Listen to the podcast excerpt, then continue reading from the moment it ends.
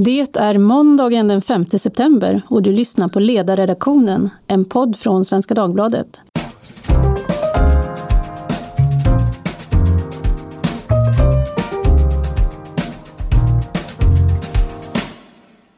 Jag heter Tove Livendal och här i studion med mig sitter Carl Bildt, hallänning, svensk europé. Varmt välkommen! Tack Tove! Du var Sveriges statsminister 1991-94, mm. utrikesminister 2006-2014, mm. riksdagsledamot 1979-2001 och partiledare för Moderata samlingspartiet 1986-1999. Mm, förfärligt länge. Mm. Saknar du svensk inrikespolitik? Normalt sett inte men det är klart att eh, dessa dagar när man försöker följa med så känner man ibland att eh, det där kunde man kanske ha sagt någonting om. Men eh, för det finns ju rätt mycket som är på din inrikespolitiska agenda men annars så har det blivit under rätt lång tid har det varit framförallt de internationella frågorna, det internationella engagemanget som jag har sysslat med. Och när du får den där tanken att där skulle man kunna ha sagt någonting om, säger du ut det högt hemma i soffan eller lyfter du luren och säger någonting till någon som borde höra det? Nej, jag säger i allmänhet tyst till mig själv. Uh, och kanske skriver jag det någonstans. Uh, men jag har haft som princip att uh, lämna, ut, lämna inrikespolitiken bakom mig. Va? Det, det, finns ju partiledare som har lite svårt att släppa den och som har kommentarer till allt möjligt och omöjligt. Uh, alltså för detta partiledare. Jag har beslutat mig för att inte tillhöra den kategorin. Mm. Um, och har väl hittills lyckats rätt hyggligt med det. Ja. Den här podden ska då inte bli undantaget i tanken men vi ska återkomma lite till Sverige mm. sen i alla fall. Eh, vi tar och börjar i ett större projekt, nämligen mm. Europa och EU. Mm. Eh, hur ser du på diskussionen om det här med ökat strategiskt oberoende för EU? Eh, borde inte med det vi har varit med om den senaste, de senaste åren EU och, och USA försöka närma sig varandra istället?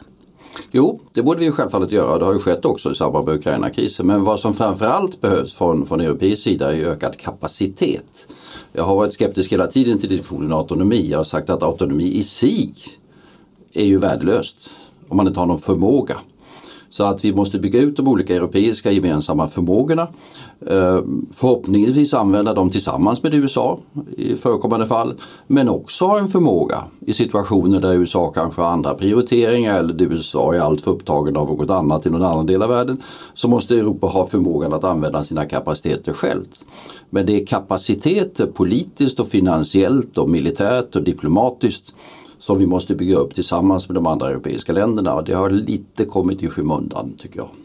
Men ändå tänker jag att eh, kriget i Ukraina har ju ändå väckt upp ändå en förmåga som vi ett tag kunde känna, tveka på om den fanns. Ja, eller har i alla fall väckt upp en vilja, det är ingen tvekan om det. Alltså den europeiska viljan att försvara och hjälpa Ukraina, antingen med flyktingmottagning eller på annat sätt, har ju varit, och sanktioner, har ju varit imponerande. Men samtidigt på den militära sidan är det ingen tvekan om att det är USA som är avgörande när det gäller hjälpinsatserna. Också på den finansiella sidan har USA varit starka. De europeiska länderna har inte förmått riktigt lika mycket som jag tycker att de borde ha gjort. Och det där måste vi, eh, där måste vi ta oss i kragen rätt ordentligt under de kommande åren. Hur länge tror du att vi håller ut i det då? Jag tänkte du skrev eh, här förleden en debattartikel i UNT tillsammans med Diana Janse om att eh, det kostar att försvara friheten. Hur ser det ut med samsynen på den insikten i EU? Nej, jag tror vi kommer att hålla ut länge eh, så länge det här kriget pågår därför att det är så pass, eh, det är så pass allvarlig så pass avgörande utmaning mot den, eh, hela den europeiska säkerhetsordningen. Skulle, vilket jag inte tror, men säg teoretiskt, Ryssland lyckas, Putin lyckas med att de facto förinta Ukraina så finns det ju ingenting som säger att hans ambitioner tar slut vid Ukrainas statsgräns. Utan då kan vi bli utsatta för mycket allvarliga hot än vad vi kanske ser idag. Så att eh, det här måste vi vara beredda att göra och det handlar om att eh, då intensifiera både det militära och framförallt det finansiella stödet till Ukraina och där hoppas jag att Sverige kan spela en viktig roll också. Mm. Alltså, häromdagen var det någon som kommenterade att eh, apropå det här med militärt stöd till Ukraina, att det är bättre att vi använder vapnen i Kramatorsken i Kramfors. Ja, Ja det är det ju förvisso. Eh, för att förlorar man i Kramatorsk så kan Kramfors, jag vill inte säga Kramfors kommer näst, det är väl ändå ta till. Eh, men i alla fall, vi måste ju säga att om man tittar på de närmaste två, tre åren så något avgörande hot om en rysk invasion av Sverige finns inte. Den ryska militära förmågan är, de har 85 procent av sin krigsmakt engagerad i operationen i Ukraina. De har praktiskt taget ingenting över för att göra någonting annat. Eh, så det är det som är avgörande för den, hur den europeiska situationen kommer att se ut. Också Sveriges säkerhet under de kommande åren. Och det innebär att vi har då marginal självfallet. För att på samma sätt som vi gjorde under finska vinterkriget där vi faktiskt tömde stora delar av den svenska arméns förråd och skickade dem till Finland. Därför det var där de behövdes. Så hade Finland förlorat så hade Sverige hotats. Eh, det, var, det blev tomt i de svenska arméförråden. Eh, men det är klart att det var rätt prioritering. Mm. På tal om prioriteringar, var ska Sverige prioritera under EU-ordförandeskapet som snart eh, påbörjas? U Ukraina. Eh, det är väl det enkla svaret på den frågan i två hänseenden. Alltså dels så måste Europa vara beredd att axla mer av det finansiella stödet. För att hålla den ukrainska staten gående, hjälpa flyktingar eller fördrivna, hålla sjukhusen för att klara de sårade och skadade, eh, se till att skolväsendet fungerar någorlunda. Den typen av saker så krävs det med tanke på att den ukrainska ekonomin bombas sönder eh, av ryssarna så krävs det en 5, 6, 7 miljarder euro i månaden. Och det har vi ett stort, det är mycket pengar, men det har vi ett, lite pengar i det europeiska sammanhanget, men mycket pengar. Det har vi ett intresse att se till att hjälpa till. Och det måste, där kan Sverige vara pådrivande för att EU gör detta. Det andra är ju då också det omedelbara perspektivet, den militära hjälpen. Vi måste se till att våra försvarsindustrier börjar producera Eh, för de ukrainska behoven. Det kan vi finansiera via nationella eller europeiska budgetar men det måste fram. Och sen i det långsiktiga perspektivet handlar det framförallt självfallet om eh, medlemskapsperspektivet. Där kommer ju en sedvanlig rapport från kommissionen, det gör det alltid i december med olika typer av rekommendationer. Men det blir för det svenska ordförandeskapet att ta detta framåt och tror jag, hoppas driva fram de avgörande besluten om ett förhandlingsstart för Ukrainas medlemskapsansökningar. Vi har ju varit lite njugga när det gäller utvidgningspolitiken från den svenska regeringens sida under senare år. Lite märkligt tycker jag men nu gäller det att accelerera det där. Så här kan Sverige ha en viktig roll om man har förmågan att göra det återstår att se. Spelar det någon roll vilken regering Sverige har eh, efter den 11 september för de här frågorna? Det vill säga, ser du att det finns några stora skiljelinjer mellan de, man tänker sig en socialdemokratiskt ledd regering och en moderatledd regering? Jag hoppas ju inte det. Eh, men det återstår ju att se. Eh, det är klart att entusiasmen till exempel för utvidgningspolitiken jag var ju förvånad och har ingen riktigt bra förklaring på det att Sverige tillhörde de länder som var sist med att säga att de accepterade att Ukraina skulle få kandidatlandsstatus. Jag begrep inte riktigt det därför det var helt mot svensk traditionell utrikespolitisk linje. Vi har alltid varit för. Och vi har alltid ställt upp för Ukraina. Här var vi senkomna. Jag hoppas att det var en tillfälligt misstag och att detta kan repareras. När kommer Ukraina att bli medlem i EU? vet vi självfallet inte. Um, det är ju beroende, kriget har ju sin betydelse, det är alldeles uppenbart. Eh, det kommer att krävas mycket omfattande återuppbyggnad. Det kommer att krävas mycket betydande statsreformer också för att få den ukrainska staten att fungera. Så vi talar ju säkert om ett decennieperspektiv av eh, omfattande statsbyggnad och omfattande statsreformering som vi måste hjälpa till med. Men det är alldeles avgörande för den europeiska stabiliteten och säkerheten i ett längre perspektiv. Också för Sveriges säkerhet i det längre perspektivet. Apropå medlemmar, du har ju tidigare arbetat eh, och eh, skickat signalerna att eh, när det gäller Turkiet. Mm. Kommer de att kunna bli medlemmar av EU någon gång som du ser det? Det vet jag ju inte, så ser det inte ut för dagen, förvisso inte. Men Eh, det är riktigt, jag var för detta eh, och eh, försökte att förorda det perspektivet när vi hade en mycket stark reformperiod för 20 eller 15 år sedan i, i Turkiet. Och det finns ju en stark sekulär demokratisk reformådra i det turkiska samhället. Vi ser den inte just nu. Men eh, hur detta kommer att se ut om 10 eller 15 år det vet jag inte. Jag skulle inte stänga dörren för det. Absolut inte. Det tror jag vore fel. Turkiet är ett eh, viktigt europeiskt land. Det är 90, kanske blir 100 miljoner människor. Det kommer att bli ett land ungefär lika stort som Ryssland inom ett antal decennier. Vad som händer där är väldigt viktigt för europeiska utvecklingen. Vi har ett intresse av nära och goda relationer. Även om vi just nu är inne i ett eh, osedvanligt problematiskt skede. Jag tänker också att om eh, signalen blir från Europa att vi stänger dörren så kommer man att vända sig någon annanstans. Ja, nej, men så är det ju. Eh, om man åker till Istanbul eller till Ankara och talar med de demokratiska krafterna där så är det mycket tydligt vad de vill. Samtidigt är de realistiska och inser att det här liksom inte, det står inte för dörren eh, just nu. Men skulle vi liksom slänga dörren i ansiktet på dem eh, då slänger vi ju dörren i ansiktet på de demokratiska möjligheterna för Turkiet och tvingar landet de facto att vända sig någon annanstans och det ligger inte i vårt intresse. Mm. Eh, vad, hur, alltså vi har pratat lite grann om det här med relationerna inom EU. Kriget i Ukraina Kommer det, jag tänker att här finns det, ju, det finns ju redan spänningsfält. Vi kan tänka oss Polen-Ungern och den ena sidan eh, och där har vi haft mycket interna diskussioner i EU. Och sen har vi då eh, Östersjöländerna, Baltikum, Sverige, Finland kanske i en annan eh, ringhörna. Vad tror du kommer hända med de här relationerna? Eh, är det, går vi mot konflikter som kommer intensifieras och fördjupas eller kommer man att kunna hitta en gemensam väg? Jag tror ju snarare att man är på väg in, eller har kommit in i en situation där det är mer av samsyn. Det innebär inte att det är identiskt. Va? Länder blickar åt lite olika håll. Det har att göra både med geografi och med historia. Medan det tidigare ju var en situation där kanske en del av länderna, kanske i väster och i söder tyckte att eh, länderna i öster talade allt för mycket om att eh, den ryska utvecklingen kan komma att gå fel. Så är det väl alldeles uppenbart att den ryska utvecklingen har kommit att gå fel. Och därmed har vi hamnat mera på samma linje just nu. Hur detta kommer att se ut eh, om tio år det vet jag inte men de närmaste åren tror jag faktiskt att vi kommer att vara mera enade än vad vi varit tidigare i de här frågorna.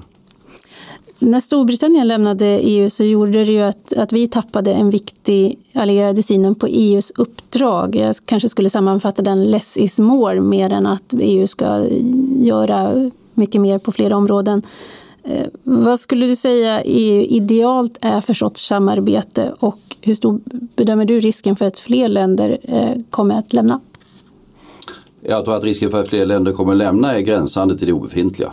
Eh, vi har sett vad som har inträffat med Storbritannien, det har inte gått bra för dem. De har lite svårt att erkänna detta men så är det tveklöst. Så att jag tror att den risken är väldigt, väldigt liten. Vilken typ av samarbete? Ja, det som har förändrats mycket påtagligt under de senaste 10-15 åren är ju att eh, EU har dessutom utvecklats till en sådan krislösningsmekanism. Vi har kommit in i en mycket, mycket oroligare värld.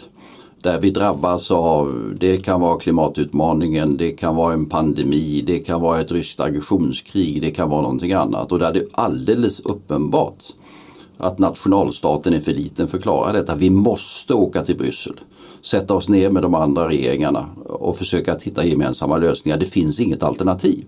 Och därmed har väl en del av den här mera liksom principiella ideologiska debatten om vad ska EU göra, och vad ska inte göras av EU, har väl lite tonat bort. För det är alldeles uppenbart att det finns områden där vi måste göra mera gemensamt. Pandemin kan ju vara ett exempel, klimatfrågan är ett annat exempel, rysk aggression är ett tredje exempel. Eh, och dessvärre är vi nog på väg in i en situation med den globala både ekonomin och den globala politiken att det kommer att krävas mer av detta. Jag tänker, min förhoppning är ju nu att eh, så viktiga frågor har kommit på bordet att en del av de andra frågorna som jag inte tycker EU ska hålla på med, alltså socialistisk politik, att det mm. försvinner. Mm. För att jag blir ju tokig som då kampanjade väldigt ihärdigt för det svenska medlemskapet när Ursula von der Leyen sen kommer att säga att vi ska ha könskvotering. Eh, det är ju inte det jag röstade för. Nej, och det är ju inte det som är prioriteringen får man, om man uttrycker saken försiktigt just nu. Utan nu är det större och viktigare frågor som står på dagordningen. Man får hoppas att de prioritera den typen av frågor. Sen finns det alltid eh, inte minst och ibland för Europaparlamentet, parlament i alla länder tenderar att ha den tendensen, ett tendens till lite klåfingrighet ibland. Eh, jag hoppas att man kan hålla detta på avstånd. Mm. Eh, vad bör Sverige prioritera när vi rustar upp i en NATO-kontext? Det är en god fråga. Vi kommer ju att få ett förslag från ÖB, jag tror det är första november han ska lägga något papper på bordet. Ehm, men det är ett rätt omfattande, kan man säga liksom ideologisk eller principiell skifte som sker från ett nationellt försvar till ett nordeuropeiskt försvar.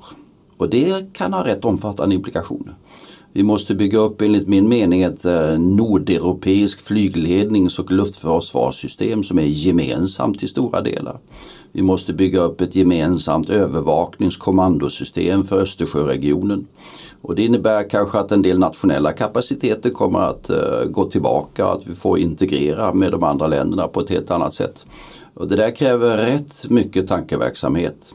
Eh, tankeverksamhet tillsammans med Finland, tillsammans med Norge, tillsammans med Danmark, tillsammans med de baltiska länderna, tillsammans med Polen för att få detta att fungera. Mycket teknik men också rätt mycket politik i detta. Och det tror jag inte riktigt att vi är intellektuellt förberedda för. Inte minst regeringskansliet tror jag liksom har rätt mycket att göra. Stor uppförsbacke där.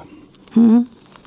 Eh, hur ser du på det nordiska samarbetet då? Eh, om man tänker sig med NATO-utvidgningen, kommer det här att bli Ehm, kommer vi att få se en större nordisk integration, inte bara i militärt hänseende utan även i andra hänseenden?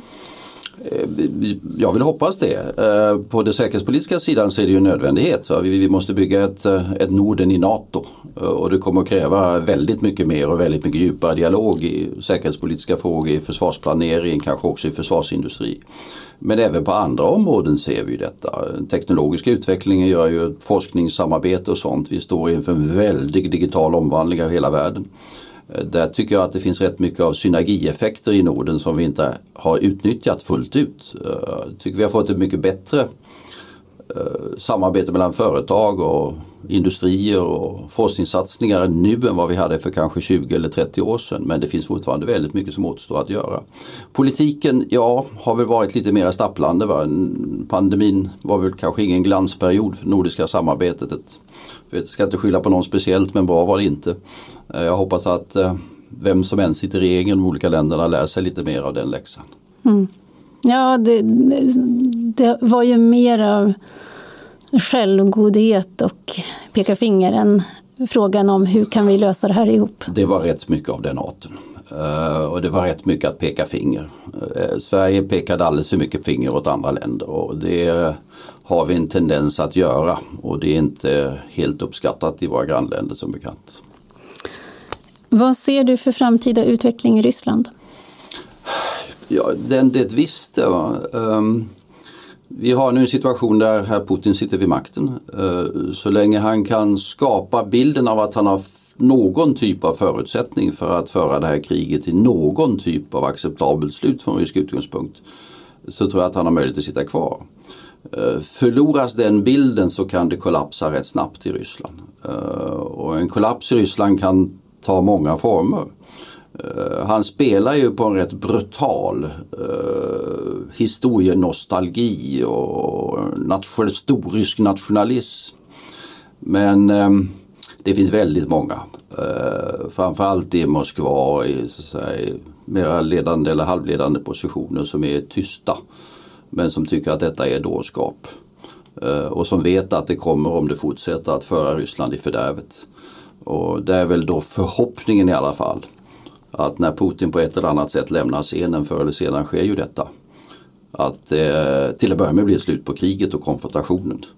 Och början på en, eller en återstart på en rimligare utveckling i Ryssland. Det är inte säkert men vi kan inte utesluta det. Vi måste förbereda oss både för dåliga scenarier och för lite bättre scenarier.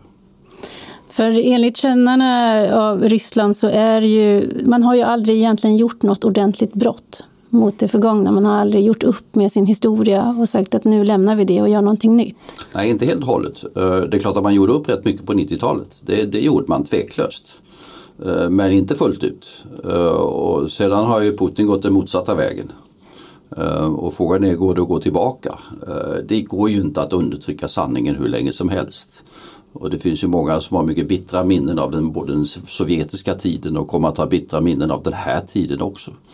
Eh, men vi vet inte. Varje nation har ju sin egen karaktär. Ryssland har förvisso sin egen karaktär. Det har ju genom den ryska historien varit en dragkamp mellan mera slavofila och mera europeiska tendenser. Jag tror inte att den dragkampen är över. Du kan inte resa in i Ryssland eller? Det vet jag inte, jag har inte försökt. Eh, jag var där, något, eh, var där före pandemin och sen dess har det inte varit aktuellt av en lång rad olika skäl. Mm. Men du har inte någon, eh, här, något diplomatiskt förbud att resa det, dit? Det vet jag inte. För jag, jag har inte sökt något visum. Men jag har ju varit lite, varit lite av problem. Va? För att det var, ju, det, det, var värdefullt att kunna resa till Ryssland och informellt tala med personer. Man lärde sig mycket av detta. Åtskilliga av de personerna, eh, mina ryska vänner också från 90-talet, eh, träffar jag nu fast de är utanför Rysslands gränser och försöka diskutera vad som kan inträffa. Det är ju en, eh, en väldig, vi talar om alla ukrainska flyktingar, det är ju miljoner miljoner. Men med Ryssland så talar vi om hundratusentals människor som har flytt. Kompetenta, mycket av den teknokratiska kärnan i Ryssland eh, kan du då träffa i Istanbul eller i Berlin eller i Riga eller i Vilnius. Mediafolk till exempel som har varit centrala i den ryska utvecklingen. Eh, och det kommer att vara viktigt att ta hand om dem och utnyttja den kompetens och de möjligheter som de har under kommande år. Eh, tycker du att de olika sorters sanktioner som har genomförts nu på olika nivåer har varit välavvägda? Eh, ja, någorlunda absolut. Sen ska man inte ha några illusioner om att eh, sanktioner tar alltid väldigt lång tid att man får någon effekt. Jag tror att det som kommer att vara huvudeffekten vad det lider är ju teknologisanktionerna. De kommer att bli besvärande, påtagligt besvärande. Ehm, och kommer att eh, begränsa den ryska ekonomins utvecklingsförmåga. Det gör inte att Ryssland upphör att existera. Eh, Iran finns fortfarande trots att de har levt under mycket omfattande sanktioner under mycket lång tid. Men det blir ett annat och väsentligt mycket mer ka mindre kapabelt Ryssland framöver. Hur det kommer att ske med olja och gas återstår att se. Det kommer att ta lång tid. Europa kommer att frigöra sig från varje beroende av rysk gas men det kommer att ta tid för dem att bygga ledningar till exempel till Kina. Oljan är väldigt viktig för dem. Men eh, de kommer att ha påtagliga svårigheter att exploatera de nya jättelika fälten som de håller på med uppe i Arktis för det förutsätter väldigt mycket av västlig teknologi som de inte kommer att ha tillgång till. Det blir inte omöjligt men det kommer bli svårt för dem. Um, och till detta kommer, det ska man inte glömma, att klimatfrågorna börjar liksom att drabba Ryssland rätt hårt om man tittar på Titta på bränder i Sibirien just nu. Vi ser inte så mycket av det i nyheterna. Det är så mycket annat som det finns anledning att skriva om. Det är en enorm utveckling som är på gång. Och när permafrosten lättar och infrastrukturen sjunker ner i dyn. Så att eh, de kommer att ha betydande svårigheter. Skulle behöva vår hjälp men det kommer de inte få så länge det här pågår. Man kan ju grubbla sig tokig på sådana här eh, alternativa historieutvecklingar men eh, när Ryssland illegalt annekterade Krim. Varför var det inte möjligt att då genomföra de här hårda sanktionerna som västvärlden sedan samlade sig till nu? Nej, jag tyckte vi genomförde de sanktioner som var möjliga att genomföra då. Va? Och det var ju en eh, eh det var i februari, februari mars för att vara exakt, som, eh, 2014 som Putin tog över eh, Krim. Då var det svårt att få några riktigt ordentliga sanktioner. Eh, sen kom det ju rätt hyggliga sanktioner i och för sig. Det kom ju i juli, juli-augusti. Och det var ju mer nedskjutningen av det malaysiska planet MH17 eh, som ledde till att det blev en ny samling inom, eh, inom EU-kretsen. Um, ehm, skulle vi ha gjort mera då? Ja, förmodligen hade gjort någon skillnad, inte säkert men i alla fall. Mm. Men jag tänker att om de här eh, oligarkerna hade fått mer kännbara effekter då, om stödet för Putin kunde ha sviktat? Alltså det där med oligarkerna har inte så stor effekt. Alltså deras politiska inflytande är eh, med några undantag eh, synnerligen begränsat. Så att det där att beröva beröva oligarkerna deras lyxjakter, ja det kan vara tillfredsställande på många sätt men det har liksom ingen betydelse. Putin föraktar dem i grunden och lyssnar inte till dem heller.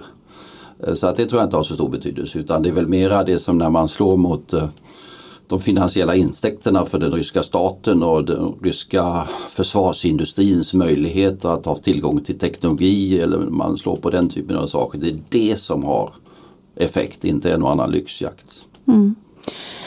Eh, jag tänkte på den där debattartikeln i UNT så tog ni upp frågan om, om fred. Mm.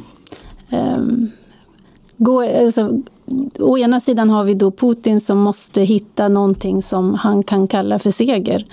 Eh, å andra sidan så säger Ukraina att vi godtar inte eh, något avtal, något fredsavtal med Ryssland. Hur ser du på saken? Nej, jag, jag skrev i en annan debattartikel, det var Washington Post i det fallet, så sa att det finns två förutsättningar för vad vi skulle kunna kalla fred. Det första är att Putin försvinner från makten de facto. Därför att han är, det är inte så att jag förordar att vi ska göra någonting för att ta bort honom. Det är det ryska folkets och det ryska samhällets sak. Men han är så pass förbunden nu, han har själv bundit sig vid det här projektet. Att återskapa ett storryskt imperium, att jag har svårt att föreställa mig att det skulle vara möjligt för honom att göra en avgörande kompromiss i den delen. Och det andra som krävs är det ukrainska EU-medlemskapet, att vi säkrar Ukraina. Eh, säkrar Ukraina gentemot ett Ryssland som kommer vara osäkert under ganska lång tid. Och när jag säger detta så säger jag också att det här är en konflikt som i en eller annan form eh, kommer att pågå under mycket lång tid. Någon genuin fred står inte i sikte så länge inte dessa två villkor eller förutsättningar uppfylls. Vilket USA kommer världssamfundet att möta om Donald Trump återkommer som president? Ja, ett påtagligt mera besvärligt USA av lätt insedda skäl. Ifall en eh, hämndlysten, revanschlysten Trump återvänder till Vita huset så får vi nog spänna fast säkerhetsbältena riktigt ordentligt. Um, när han kom in i Vita huset förra gången så talade vi ju rätt mycket om att det var liksom en en, eller en cirkel av vuxna får man väl översätta det. Adults som skulle liksom moderera den här mannen. Det lyckades väl till hälften men bara till hälften. Eh, den här gången om han skulle återkomma så tror jag inte han vill ha några vuxna kring sig utan då är det han själv som tror att han kan göra allting. Så det kommer att bli besvärligt. Då är det viktigt då inför detta att, så att säga, stötsäkra den transatlantiska relationen så mycket vi kan göra genom det samarbete som vi nu bygger upp. Det kan vara NATO eller det kan vara samarbete mellan EU och USA och det handlar om Ukraina men det handlar om också väldigt mycket annat. Så att man på bredden av det amerikanska politiska systemet inte helt oberoende men i alla fall något oberoende av Vita huset och vem som sitter i ovala rummet har en insikt om att den transatlantiska relationen är av betydelse också för USA. Men eh, det är inte ett scenario som jag hoppas att vi får uppleva. Nej, det kan vi lugnt säga. Eh, om vi vänder hem till Sverige då så står lågkonjunkturen för dörren och vi mm. kan förvänta oss tämligen bistra ekonomiska tider. Mm. Kronan är rekordsvag hur tycker du att det finanspolitiska ramverket har förvaltats av dagens politiker? Ja, förmodligen bättre om man går tillbaka till när vi satte upp detta, det är, då liksom, det är snart 30 år sedan. Ehm, så har det väl hållit bättre än vad många hade befarat. Ehm, I huvudsak har det funnits en medvetenhet om att man måste hålla det här någorlunda. Sen har man ju naggat i kanten på det genom olika typer av synder, övertramp i riksdagen. Eh, det är felaktigt. Och det har väl syndats från åtskilliga håll i den delen ska sägas. Det, synderna har varit relativt hyggligt fördelade över det partipolitiska spektrat. Men i huvudsak så finns det nog en medvetenhet om att det här är viktigt för Sveriges stabilitet. Vilka är de viktigaste lärdomarna från 90-talskrisen för oss idag? Det är väl att tänka långsiktigt. Eh, 90-talskrisens ursprung var ju liksom att vi hade, i grunden hade vi två väldigt misslyckade decennier och framförallt ett 80-tal där politiken kortsiktigt hade drivit iväg åt alla håll, möjliga håll. Utan att man hade tittat på de strukturella och viktiga långsiktiga frågeställningarna och förutsättningarna för svensk ekonomi. Och då går det förr eller senare åt pipsvängen. Eh, sen sammanföll ju detta med en stor europeisk kris också så att det blir liksom ännu värre från den utgångspunkten. Ehm, men du måste tänka långsiktigt i den ekonomiska politiken. Det handlar inte bara om att hantera liksom den där bidragsnivån just nu utan det handlar ju om att skapa liksom strukturella förutsättningar för eh, ge ekonomin en struktur och ge samhället en struktur som gynnar tillväxt och företagande och välfärd. Ehm, och det, ehm, vi skenade bort från det under några decennier och det gick illa för Sverige. Jag tänker att det här kanske är någonting av det du säger till dig själv när du hör eh, någon säga att eh, ekonomiska krisen var Moderaternas fel. Jo, jo, uh, jo, jo. Uh, nej, men det, det, finns, det, det, finns ju en socialdemokratisk mytologi som de tycker om men, men, den har ju noll förankring i verkligheten. I själva verket är det ju så när man tittar på det här skedet då, som kom i början på 90-talet, jag kan säga bara den, min regering som jag ledde utan det fanns ju andra som medverkade också. Men det var ju en skiftesperiod. Alltså bara, bara en sån sak som att Intill dess under ett antal decennier hade Sverige gått med underskott varenda år. Varenda år hade vi underskott i betalningsbalansen. Sen dess har Sverige haft överskott i betalningsbalansen varenda år. Vi har fått en utveckling där vi har liksom fördubblat den svenska ekonomin. Vi har fördubblat utrikeshandelsandelen i svensk ekonomi. Eh, vi har fått en helt annan bas för svensk välfärd eh, än vad vi hade om vi går tillbaka till perioden före detta. Och det var en lång rad olika reformer som genomfördes. Eh, Socialdemokraterna var med på en del av det också ska sägas men de förde ju ett förfärligt väsen om allting därför de var rätt de var rätt låsta i det gamla. Va? Det var ju, trodde ju fortfarande på löntagarfonder och sådana här liksom förfärliga intellektuella klavertramp som de ägnade sig åt under den perioden. En av de svåraste frågorna gissar jag när, det, när man ska hålla samman en regering är frågan om samarbete. Och eh, Sverigedemokraternas framväxt har ju varit kanske tveklöst den mest betydande faktorn för svårigheten att bilda regering som vi har varit med om. Varför blev SD så stora och hade de andra politikerna kunnat agera annorlunda? Det kommer säkert att skrivas åtskilliga böcker om detta. Jag hade ju på min tid att hantera Ny Demokrati. Eh, och det var inte alldeles enkelt. Eh, för vi var ju delvis i alla fall beroende av dem i riksdagen.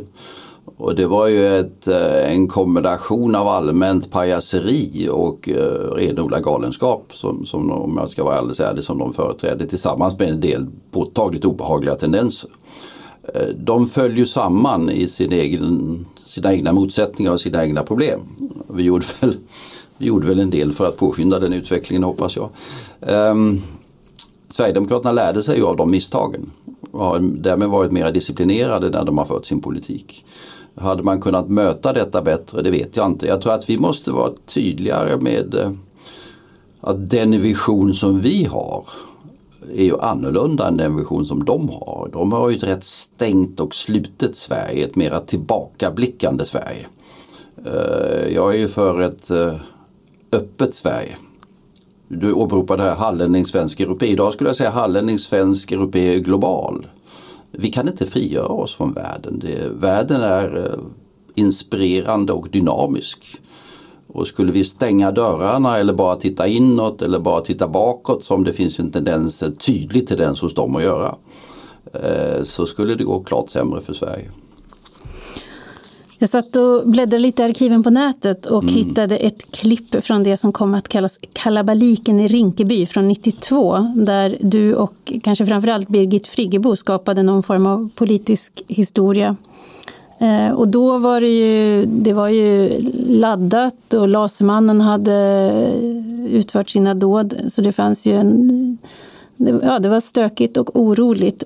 Vilket är det största misstag Sverige har gjort när det gäller integrationen? Det största misstaget, det var ju inte så mycket kalabalik i Rikeby, det var liksom Birgit försökte sjunga, det var kanske ett, eh, ett lite innovativt grepp eh, kan man säga. Jag var väl lite frågande till detta. Det var inte bara bristande sångtalang. Som var. Man vill ju veta vad du tänkte just då. Ja, det, det framgår om du tittar på bilderna så ser du nästan på mitt ansiktsuttryck ungefär vad jag tyckte. Men vad var misstaget? Ja, misstaget var väl att vi inte tänkte på eller eh, inriktade oss på integration. Uh, bokstavligen var det ju så. Uh, jag kommer ihåg till exempel sent, jag kommer ihåg i samband med regeringsskiftet 2014, va? vi hade ju en eh, i, det var Reinfeldt-regeringen, vi hade en, en, minister som hade ansvarighet faktiskt för integrationsfrågor. Lyckat eller inte men ansvar för det för det var en prioriterad fråga. Socialdemokraterna avskaffade den helt och hållet. Det, det skulle inte vara någon integration, det skulle fungera av sig själv. Um, så att det var väl det, vi fokuserade inte på den typen av frågor. Det fanns en naivitet i detta. Frågan om språkkrav kan ju ses som ett eh, uttryck för detta. Va? Det var, anses ju vara väldigt, väldigt fult att ställa krav på att man skulle tala svenska under mycket lång tid. Um, det är klart det hade varit bättre om vi hade haft en integrationspolitik. Inte för att sudda ut deras identitet helt och hållet, absolut inte. Men en tydligare politik för att ta in dem in i svenska samhället. Sen tillkommer ju det att vi har ju en och det har att göra med hela den långsiktiga samhällsmodellen i Sverige, liksom en stark samhälle med starka strukturer. Det innebär att vi skyddar de som är inne i strukturerna men det blir svårare för de som är utanför. Det här in, in and out problematiken som man talar om i samhällsvetenskapen. Det gjorde ju svårare att klara integrationen. Och motståndet mot att luckra upp strukturerna framförallt från fackliga organisationer och andra gjorde det ännu svårare. Eh, så att delvis så bäddade ju för en del av det som vi nu idag upplever. Och det skulle jag säga fortfarande ganska starkt. Det sägs ju både från höger och vänster att man ska vända varje sten men och så lyfter man på den och så lägger man ju tillbaka den. Det är inte så att vi gör några jättejärva reformer. Nej. Um om man tar det här som ju har varit lite fokus i valdebatten idag att det, det finns ju rätt stora grupper man kan diskutera siffrorna har jag förstått. Uh, där, det är sen, där det är mera lönsamt att gå på bidragen och arbeta. Det är ju fullständigt uh, hål i huvudet. Eh, att vi kan ha det på det sättet. Det innebär att vi skapar ett incitament för icke oväsentliga grupper att stå utanför arbetsmarknaden. Och att stå utanför arbetsmarknaden det säger ju all kunskap eh, leder till ökade problem. Eh, och då är det liksom låsningar vid gamla bidragssystem. Som leder till att vi har en mindre, fungerande, mindre väl fungerande integration och får till följande en del påtagliga problem. Är Sverige ett bättre eller ett sämre land idag jämfört med när du var statsminister? Oh, mycket bättre. Alltså väldigt mycket bättre. Alltså bara titta på ekonomin. Jag nämnde jag nämnde externhandel, alltså vi har fördubblat utrikeshandel som andel av vår ekonomi. Det är klart att vi har blivit, vi har blivit, vi har fördubblat svenska ekonomin, vi är dubbelt så rika. Vi har fördubblat den svenska välfärden. Uh, vi har fått en helt annan valfrihet, en helt annan, uh, Eh, ett helt annat företagande. Då jag kommer ihåg att eh, när Anne Wibble som var finansminister sa att hon hoppades att många skulle kunna ha en årslön på banken. Det, uppfattades som oförskämdhet. Idag har vi ett helt annat sparande i det svenska samhället. Det har skapat en buffert, en självständighet, en känsla av frihet för många människor som inte ens fanns på den tiden. Vi har en mångfald i media, vi har mångfald i företagande. Eh, och där har liksom de ekonomiska förändringarna betytt mycket invandringen också betytt mycket, det ska vi inte glömma i dessa dagar. Va? Det har varit en vitamininjektion i många avseenden eh, för det svenska samhället. Så att eh, vi kan klaga på ett och annat. Statens kärnfunktioner har eroderats lite grann. De har inte varit i fokus på samma sätt. Försvar, rättsväsende och sånt. Eh, forskning, skola. Men, men eh, ett mycket bättre, mycket bättre samhälle än för eh, ett kvarts sekel sedan. Hade det varit enklare eller svårare att vara statsminister idag? Vad sa du, hade varit? Enklare eller svårare att vara statsminister idag jämfört med 91 till 94? är svårare i den meningen att vi har fått ett mer fragmenterat politiskt landskap. Eh, vi hade våra svårigheter då också förvisso. Eh, men det är svårare idag och det är inte bara Sverige. Vi har fått ett fragmenterat mera fragmenterat politiskt landskap i hela Europa. Eh, det, det är delvis en ett resultat av någonting som är bra. Va? Så går vi tillbaka i den europeiska historien så mm, jag ska inte tala klasskamp, men det är klart att det var mer av klassamhälle. Det fanns en industriarbetsklass som mobiliserades och organiserades av, med socialismen som ideologisk bas. Och så fanns det någon typ av överklass eller vad det nu var för någonting. Va? Vi har ju blivit stora medelklassamhällen på ett helt annat sätt. Och de stora medelklassamhällena är mera differentierade. Människor de väljer annorlunda, de har olika preferenser. Det finns ingen, man kan inte stöpa alla i samma form. Och det innebär, också, det innebär ju samtidigt det här att liksom klassa in alla i några stora, stora höga och ett fåtal politiska partier. Det fungerar inte längre. Så att det blir ett mer fragmenterat politiskt landskap. Det återspeglar ett mer diversifierat samhälle. Eh, men det är klart att det gör ibland att regerandet blir lite mer utmanande. Mm. Om du fick gå tillbaka och göra om något beslut som du fattade i regeringsställning, vilket skulle det vara? Ja, det vet jag inte. Ehm, det är ju länge sedan men det är klart att vi hade problem när vi var inne, på väg in i valrörelsen 94. Vi kunde inte riktigt få fram den eh, styrka i sparpolitiken som jag hade önskat. Va? För att eh, det hade gett oss ett större trovärdighet när vi gick in i valrörelsen 94. Det kanske framstår som en detalj i sammanhanget. Men jag tycker när det gäller huvuddragen i reformpolitiken och liberaliseringspolitiken och steget in i EU ska vi inte glömma, det betyder mycket i sammanhanget. Och att detta kommer att var i samklang med ett skede i den globala ekonomin som öppnade upp också så låg vi väl i allt väsentligt rätt tvingas jag medge. Du tvingas medge det? Ja, jag tvingas medge det. det satt hårt inne men... Ja, jo, jo, jo, jag kom fram till det. ja. Eh, en av de reformer som eh, din regering satte i sjön, eh, nämligen friskolereformen, mm. den är ju het valfråga nu 30 år senare. Det är en av Socialdemokraternas paradnummer. Ja, de har ju hållit på med detta i flera valrörelser va? och det är väl någonting, det där är liksom lite rått kött som man kastar till vänster har jag en känsla av. Men när eh, alltså Magdalena Andersson sa någonting, med kallar marknadsträsket och sånt där. Ehm, nu är det ju huvuddelen av den svenska skolan är ju inte friskolor ska man klara sig. När de talar om skolan talar de bara om friskolor, inte om någonting annat. Alltså vi har betydande problem eller betydande utmaningar i hela utbildningsväsendet och det bortser de från. Friskolorna har vitaliserat eh, svenska utbildningssystemet. Och det är ju ingen tillfällighet att folk väljer dessa skolor. Vi är ju ett fritt samhälle. Eh, skulle detta vara uselt så skulle folk ha vänt sig bort från det hela. Det har man inte. Det har startat fler, fler friskolor. Eh, och det beror på att det har funnits efterfrågan på dem och det beror på att man har upplevt dem som i många hänseenden bättre. Sen finns det dåliga skolor eh, som bekant. Eh, både offentliga sådana och privata sådana. Vad är den viktigaste insikten du har gjort sedan du var statsminister som du önskar att du hade haft med dig då?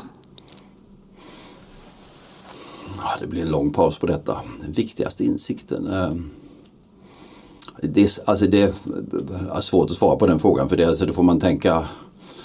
Det var ju en väldigt annorlunda värld Eh, i många hänseenden. Samtidigt var det en värld som just då förändrades på ett avgörande sätt. Sovjetunionens fall och allt detta. Så att eh, det var ju mycket vi kanske inte var medvetna om skulle ligga framför oss. Eh, därför att vi var så upptagna med att försöka hantera situationen som den var då. Ehm, men det som jag sa tidigare, att tänka långsiktigt är alltid viktigt i politiken och att försöka bygga förtroende för en politik som har ett långsiktigt perspektiv. Det är viktigt. Konsekvens och långsiktighet är väldigt viktigt för att bygga kraft i politiken. Jag tänkte på en sak som du då skulle lägga till är ju detta med global i din presentation. Ja. Eh, och det är ju en eh, det, det, finns en motreaktion nu mot globaliseringen. Mm. Och det, den tar sig uttryck på lite olika sätt men nog fanns det närvarande både i brexitomröstningen och i valet av Donald Trump som president. Eh, ja, om det är detta, jag tror att det är lite överdrivet. Jag tror att alltså, om du tittar på brexitomröstningen så är det allt väsentligt invandringsfrågan. Eh, den där omröstningen kommer ju att, alltså dels finns det ju i Storbritannien en imperienostalgi. Och imperiet var ju för övrigt globalt. får man påpeka. Men sen kom den ju att sammanfalla med den stora europeiska flyktingkrisen så att vad man såg på TV var ju liksom flyktingar som vällde in över gränserna. Så att hade det inte varit det så tror jag att det hade gått annorlunda. Trump har, tror jag, andra Eh, nu har, den, nu har den globala ekonomin varit delvis eh, haft andra effekter på den amerikanska ekonomin än på den europeiska. Vi har ju inte alls den där som man talar om i USA att du har slagit ut industriarbetare och så vidare. Vi har ju i huvudsak haft en relativt god ekonomisk utveckling. Vi har ju gynnats kraftfullt av globaliseringen. Eh, Sverige är ju ett typexempel på detta. Som jag säger, vi har nästan dubblat utrikeshandelsandelen, vi har nästan dubblat den svenska ekonomin, vi har blivit dubbelt så rika nästan. Eh, och det är på grund av utrikeshandeln och det är på grund av att då den globala ekonomin har gått mycket bra, i huvudsak mycket bra. Eh, under ett, ett kvarts sekel. Sen leder ju till förändringar absolut och det finns en och annan som är rädd för förändringar, det har vi alltid haft. Eh, men vi ska inte bortse från att detta har varit en exceptionellt god period. När du tittar framåt då, är du Eh, för vi är ju inne i en valrörelse nu som många säger att det här är en, en valrörelse som präglas av både nostalgi och bakåtblickande och eh, att man känner oro framåt. Hur känner du när du tänker framåt? Det finns ju anledning till att vara bekymrad förvisso. Vi kommer att vara i en geopolitisk säkerhetspolitisk situation som kommer att vara mer utmanande. Jag talar, talade för några år sedan om den nya oredans tid, nu talar jag om de nya farornas tid. Så är det. Eh, klimatutmaningen kan läggas ovanpå detta. Så det finns mycket som kräver att politiken är tydlig och långsiktig och fast. Va? Men eh, eh samtidigt har vi ju väldiga möjligheter som ligger i den tekniska och vetenskapliga omvandlingen. Jag jag kommer att dras in i hanteringen av Världshälsoorganisationen och pandemin och lärde mig åtskilligt av detta. Det var ett fantastiskt triumf för vetenskap. Att vi lyckades få fram dessa vaccin, att vi, det var en triumf för industriellt internationellt samarbete, att vi lyckades eh, vaccinproduktionen från 3-4 miljarder doser per år, det var alla vaccin överhuvudtaget för det, till att bara för Covid ta fram 12 till 14 miljarder doser. Ehm, en enorm industriell mobilisering, en enorm vetenskaplig mobilisering. Vi kan göra saker som var otänkbara tidigare.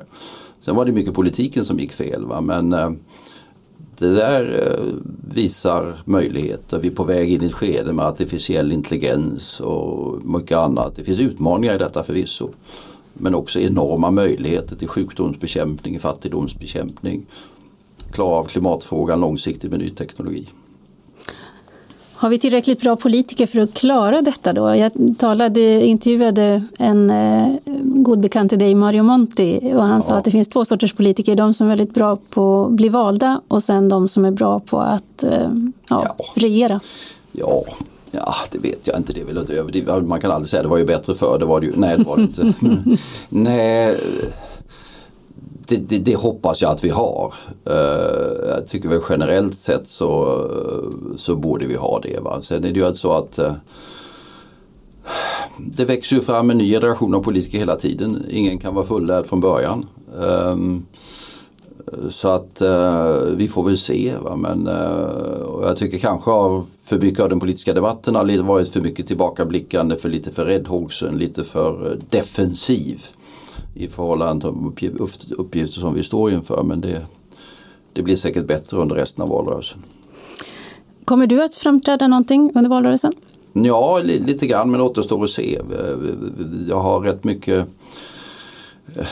rätt mycket internationella resor. När detta sänds eller så är jag i Riga och är på väg till Kiev. Jag har just varit i Österrike för att diskutera neutralitetspolitiken. Så det, mina internationella engagemang tar inte så mycket hänsyn dessvärre till en svensk valrörelse vilket komplicerar det hela. Och om du då hamnar på ett torgmöte någonstans innan valet, vad, vad kommer ditt budskap att vara? Ja, det skulle vara att titta framåt. Eh, det skulle vara. Eh, titta på utmaningarna, se vad, som, vad vi har åstadkommit faktiskt. Alltså det, vi kan inte bara klä oss i säck och aska. Det finns betydande problem, förvisso.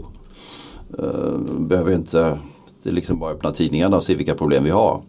Eh, men titta också på möjligheter som finns om man tittar utåt. Stora europeiska utmaningar, stora globala utmaningar, eh, betydande tekniska och vetenskapliga möjligheter. Men det gäller att anpassa Sverige så att vi inte missar de där möjligheterna och gräver ner oss i oss själva för mycket.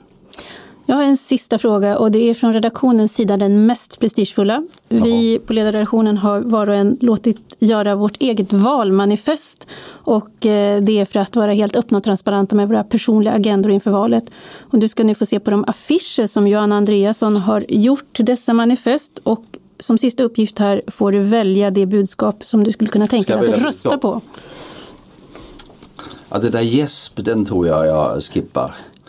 Um, ja, vad skulle det vara? Aldrig kaffe utan grädde. Det är väl aldrig politik utan idé. Den, den är ju faktiskt rätt bra. Frihet är viktigt. Jag tror att vi behöver mera värderingar, vi behöver mera visioner. Um, slå vakt om Sverige som vi känner det? Nej, tycker jag absolut inte. Det är ju för tillbakablickande. En härlig tid, ja, gör den ännu härligare.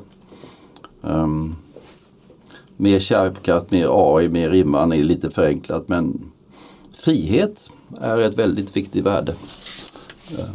Frihet helt enkelt. Ja, då är det Mattias Svensson här då som får din mm. röst. Ja, det kommer att glädja honom. Och vem står för gäsp? Det är redaktionens biträdande redaktör Peter Wemblad. Tråkigt är bäst. Nej, det är fel. Han hade nämligen, det här är en utveckling av, när han var kommunpolitiker på Gotland så lovade han att eh, vara Gotlands, eller Sveriges tråkigaste kommunpolitiker i det att han inte skulle utvidga territoriet för mycket, det politiska uppdraget, utan hålla sig till. Utvidga Gotland är lite problematiskt. ja, just nu har vi fullt sjå med att försvara det. Ja. Ja. Carl Bildt, tack för att du gästade mig idag. Tackar. Du har lyssnat på Ledarredaktionen, en podd från Svenska Dagbladet. Producent idag var Jesper Sandström. Tack till er som har lyssnat och välkomna åter.